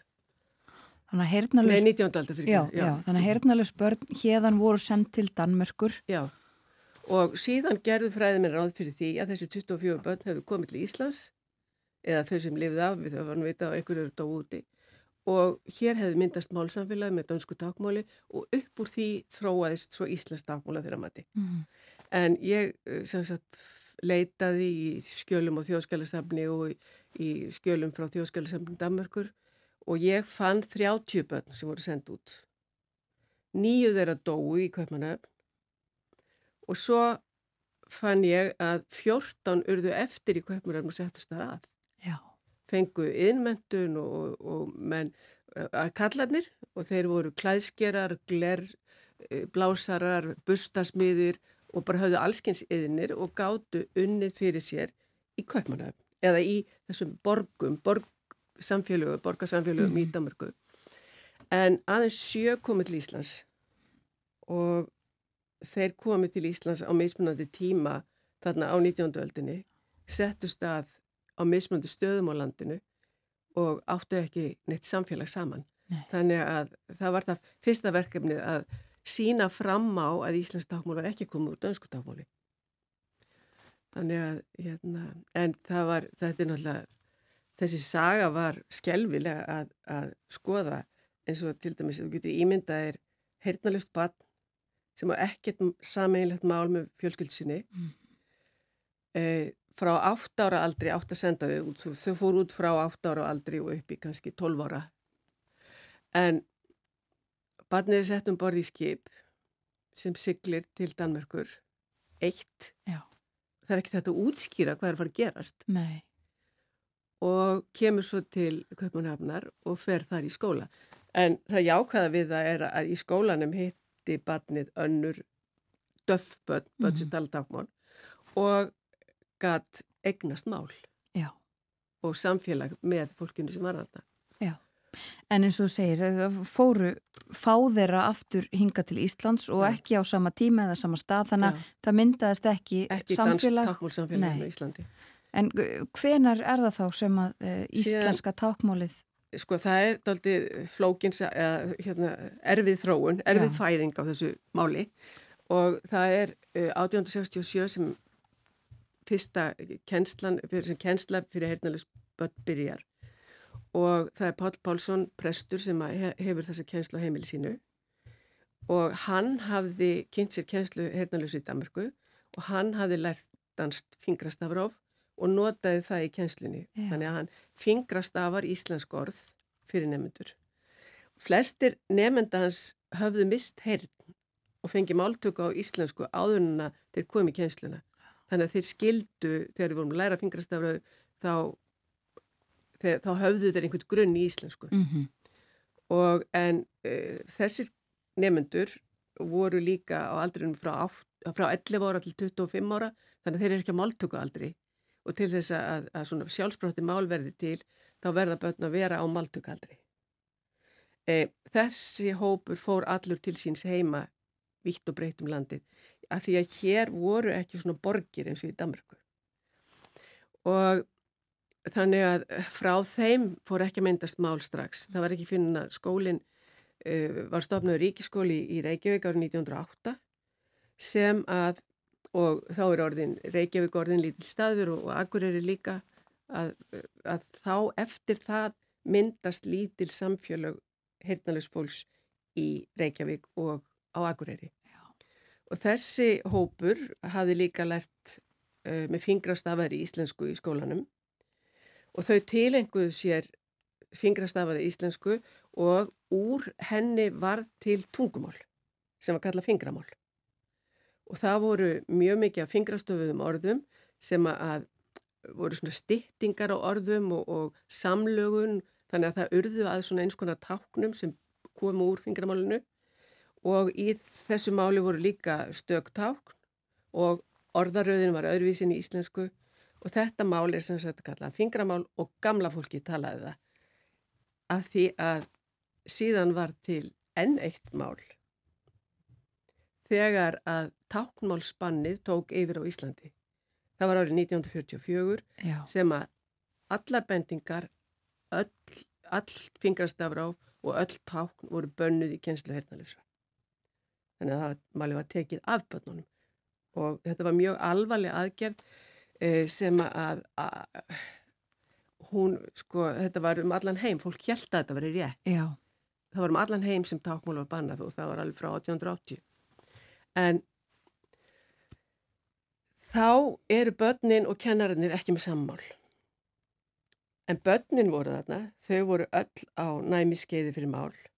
Þau höfðu áhuga á að tala saman um það sem skiptuðu máli og þau voru með heimavist og þau voru þarna bara einn og meðal þeirra spratt úr þeirra verileika tungumál Já. sem er sem sagt upprunamál Íslands dagmáls í dag og það er ekki fyrir 1944 Einmitt. síðan sko með hverri nýri kynslu sem kemur inn í hópin eða nýjum nefndahópi þá tilenga þau sér málið og málið verður flóknara með, og það tekur ekki náttúrulega nokkra kynsluðir fyrir málið að verða fullburða Mm. og síðan var börnunum, börnunum bannað að, að nota fingramálið og bannað að hitta gamla fólkið en þau gerðu það og gamla fólkið hafi líka áhrif á málið það var alltaf kallað gamla fólki sko bara Já. hérna, það er bara svona hugtak. Og uh, og aðrar sko þau hefðu einhverja fullorðna málfyrirmyndir sem að og svo þegar félag heyrnalösur var stopnað þá blönduðist þessi mála einhverju leiti Mm en síðan dó fingramálið út bara með gamla fólkinu. Og íslenska tákmálið lifiði. og það lifði og þróaðist á lóð skólans í heimavistinni og síðar inn í félagi heyrnalösra Já. Og sko, og það er þá ástæður þess að, að þetta íslenska tákmál lifði af en dó ekki út eins og það sem áður hafi verið. Eða Já. hvað, hvað hefur orðið til þess að íslenska tákmálið uh, lifir af og, og styrkir stöðu sín? Já, það er náttúrulega, það verður ekki bannað eftir þetta, heldur styrkist það og, og hérna, kennslan, sko, það var svona í kringum 1980 sem fólk var farið að gera sér grein fyrir því að, að það að banna tákmál var ekki rétt og svo fór koma meiri tákn inn í kennsluna og, og síðan kom stefna um að hafa kennslu, málið væri táknmál og og íslenska væri réttmálið og tvítingis hugtakið fór að þróast í mentun heyrnalösa Mm -hmm. en, en og, og það var svona á frá, svona í kringum 1990 eða á, á sagt 20. öldinni eh, 1990 til, til 2000 þá heldu allir yes, nú er þetta komið, nú verður tákmál hérna stert í mentun og, og svo framvegis en á þessum áratug 1990 til 2000 þá var málsamfélaginu á lóð skólans eitt. Á skólalóðinni var forskóli með ráðgjöf fyrir foreldra og þau gáttu komið með börnin sín og, og, og lært tákmál og með þeim þegar að, að eftir, eftir að þau voru greint heitnalaus E, það var grunnskóli, það var framhaldsteild, e, fyrst e, var heimavist og síðan var, kom elli heimili inn á loðina líka. Já. Þannig að það voru mál samfélag allra kynslu og svo var samskiptamistu heyrnalösir að nefn tíma líka. Já. Það var málsamfélag allra kynslu á loðinni en vegna stefnu, stefnu í skólamálum og, og bara vegna hugmynda annara sem ráða þá var heimavistinu lokað fyrst og síðan var fórskólanum lokað og börnum voru fluttin á Solborg sem er skóli fyrir heyrandi börn. E, Samskiptamiðstöðum var flutt í annað húsnaði, elli heimilinu var lokað og aldraðir hernalösi voru fluttir inn á DAS Já. og 2002 var skólanum lokað og allir nefndu voru fluttir inn í hlýðaskóla. En þessi aðgerð eitti málumkverfinu þar sem börnin tilenguðu sér málið. Vegna þess að eftir þetta voru uh, krakkarnir komnir inn, í, inn á svæði þar sem að, allir töluðu íslensku, bæði í leikskólanum og í grunnskólanum. Og, uh, já, og gamla fólki var afturkomið í oralisma, var afturkomið í, í ratmálstefnu af því að allir töluðu íslensku á hérna í, á ellihemilinu mm -hmm. og, og þá þarf til dæmis í skólanum og í leikskólanum að leggja mikið, sko að, að gera mikið til þess að skapa tákmálsumkverfi og að skapa aðstæður sem eru jákvæðar fyrir máltöku á íslensku tákmáli. Já. Og þar, það er ekki alltaf sem það hefur gengið. Nei. Það hefur svo stundum gengið en ekki alltaf. Í hefur... dag eru uh, tákmálstalandi döf stjórnendur á báðum þessum stöðum. Já. Og, og eftir það breytist hlutinni. En, en hérna, og það er annað sem ég var að skoða í, í rannsókninni Já. og það er valdið sem umlikur Íslands tákmál. Og valdið er ekki Eh, líkamlegt eða, eða refsingar heldur er felsta í hugmyndum fólks ummálið og fólki sem tala það. Og það er einmitt þetta vald sem byrtist í því að þrátt fyrir mótmæli félagshernalusra var skólanum lokað og börnin flutti í annan skóla. En það náttúrulega líka margar aðra ástæður sem, það voru margar ástæður sem lágu til þess að þetta var gert. En, en á þessum tíma hafði döf fólk lítil áhrif á hvað varð um uh, þessa, þessi stopnarnir eða, eða þjónustu sem þau höfðu mm -hmm. Og heldur voru það skóli án aðgreiningar, það voru allskyns hugmyndir sem að voru miklu sterkari. Já. og það er um, mjög uh, gildir mjög mikið í gegnum söguna. Þá gildir það að uh, það er vantraust á íslensku tákmóli og uh, hugmyndir fólks um það er að þessi fyrst og fremst hjálpartæki til þess að læra íslensku eða jafnvel að það hindrið læra íslensku og þessar hugmyndir byggjast á þeirri hugmyndafræði íslenska sem betri en íslensk afmól og, uh, og það er í því sem valdið fælst Já. og og það er þessi neikvæðni eh, gegnum gangandi, svo sér, það Já. er í gegnum alla söguna. Já, Já. Og, og hún náttúrulega skapast af því að fólku veit ekki betur. Og, og, og í til dæmis varðandi máltöku barna sem fæðast hernalus þá er það svona fyrst og fremst uh, hug, hugmyndir fólks eru fyrst og fremst að það sé mikilvægt fyrir þau að læra íslensku mm. og þá er mjög mikilvægt fyrir því að fara í skurðargerð og fá kuðungsíkræslu til þess að geta lært að heyra og tala. En málið, mál hjá batni, það þróskast í heilanum en ekki í eironum eða muninum í talinu.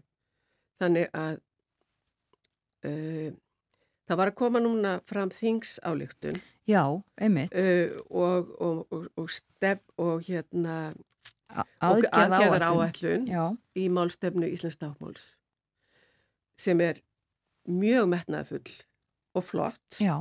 Og, og það er mjög gaman að segja frá því að Lilja Döggar Alfredsdóttir er mjóg áhersum um að, að ná þessu máli fram Já. og ég var að fundi það sem þetta var kynnt núna uh, 4. januar mm -hmm. og uh, og þar uh, kom fram mikil ánægja á fjárfundafólki um, á þessu og þó gerði einhverja ákveðnar aðtóðsendir en Lilja talaði um sér þetta mjög mikilvægt að vinna með hópnum og að allar aðtóðsendir eruðu tekna til greina. Sem er rosalega jákvægt og vísar fram til einhvers betri tíma en þar stendur meðal annars öll börn eiga rétt á að tilenga sér mál frá fæðingu. Já. Og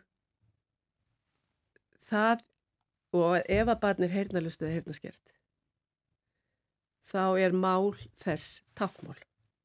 Þannig að, að þar er bara ætlunin að tryggja að tilverði málsamfélag fyrir börn til þess að geta tilenga sér mál á þessum aldri og sem er mjög flott. Já.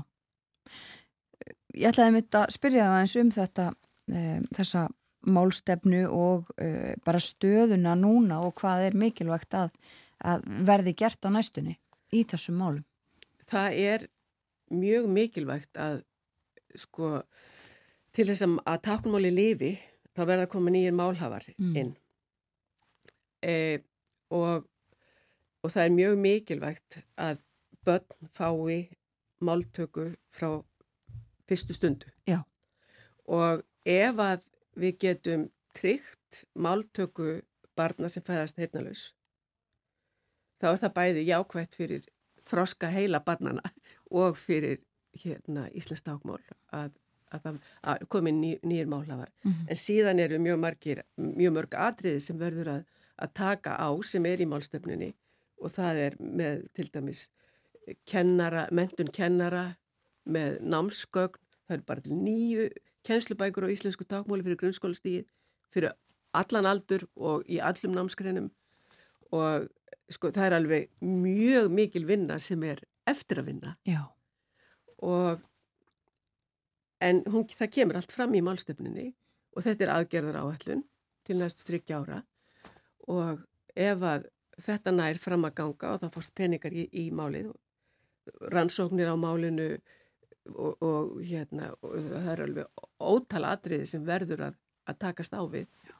En eh, men, menningar og viðskiptar á þeirra er mjög áhuga um að þetta gerist. Við erum vongóð.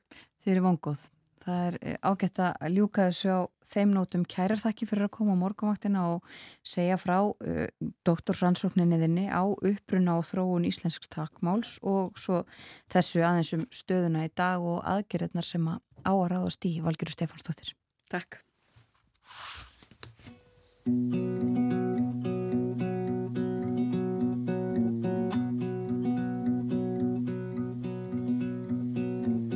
Rappelle-moi le jour et l'année. Rappelle-moi le temps qu'il faisait. Et si j'ai oublié,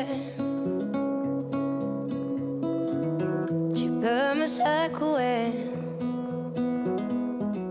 Et s'il me prend l'envie de m'en aller, enferme-moi et jette la clé.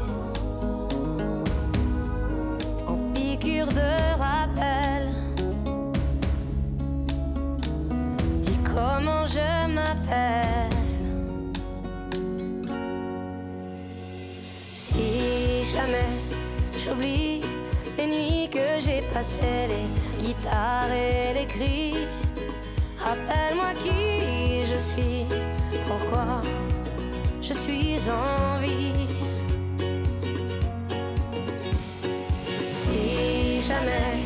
j'oublie les jambes à mon cou si un jour je fuis. Rappelle-moi qui je suis, ce que je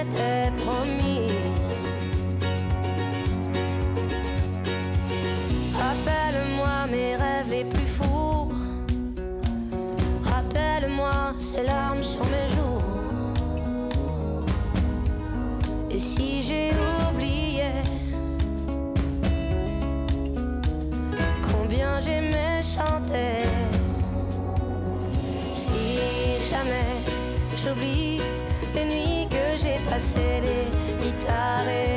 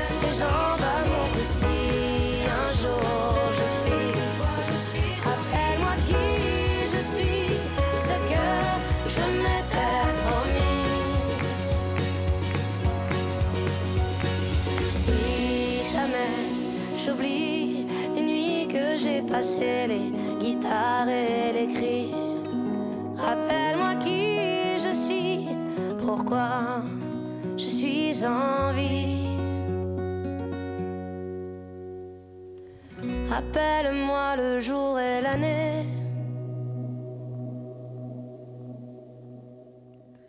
Si jamais j'oublie heitir þetta lag, franska söngkunan SAS. Og við leikum þetta í kjálfar uh, viðtals við valgerði Stefánsdóttur sem á dögunum varði doktorsritgerð í mannfræði um uppruna og þróun íslensks tákmáls. Valgerður var uh, í yfir 30 ár yfirmaður samskiptamiðstöðar hirtnalösra og hirtnarskertra líka við mikla þekkingu á þessum málum og gerði þessa rannsóknu fyrsta hildstæða yfirlitið á íslensku tákmáli.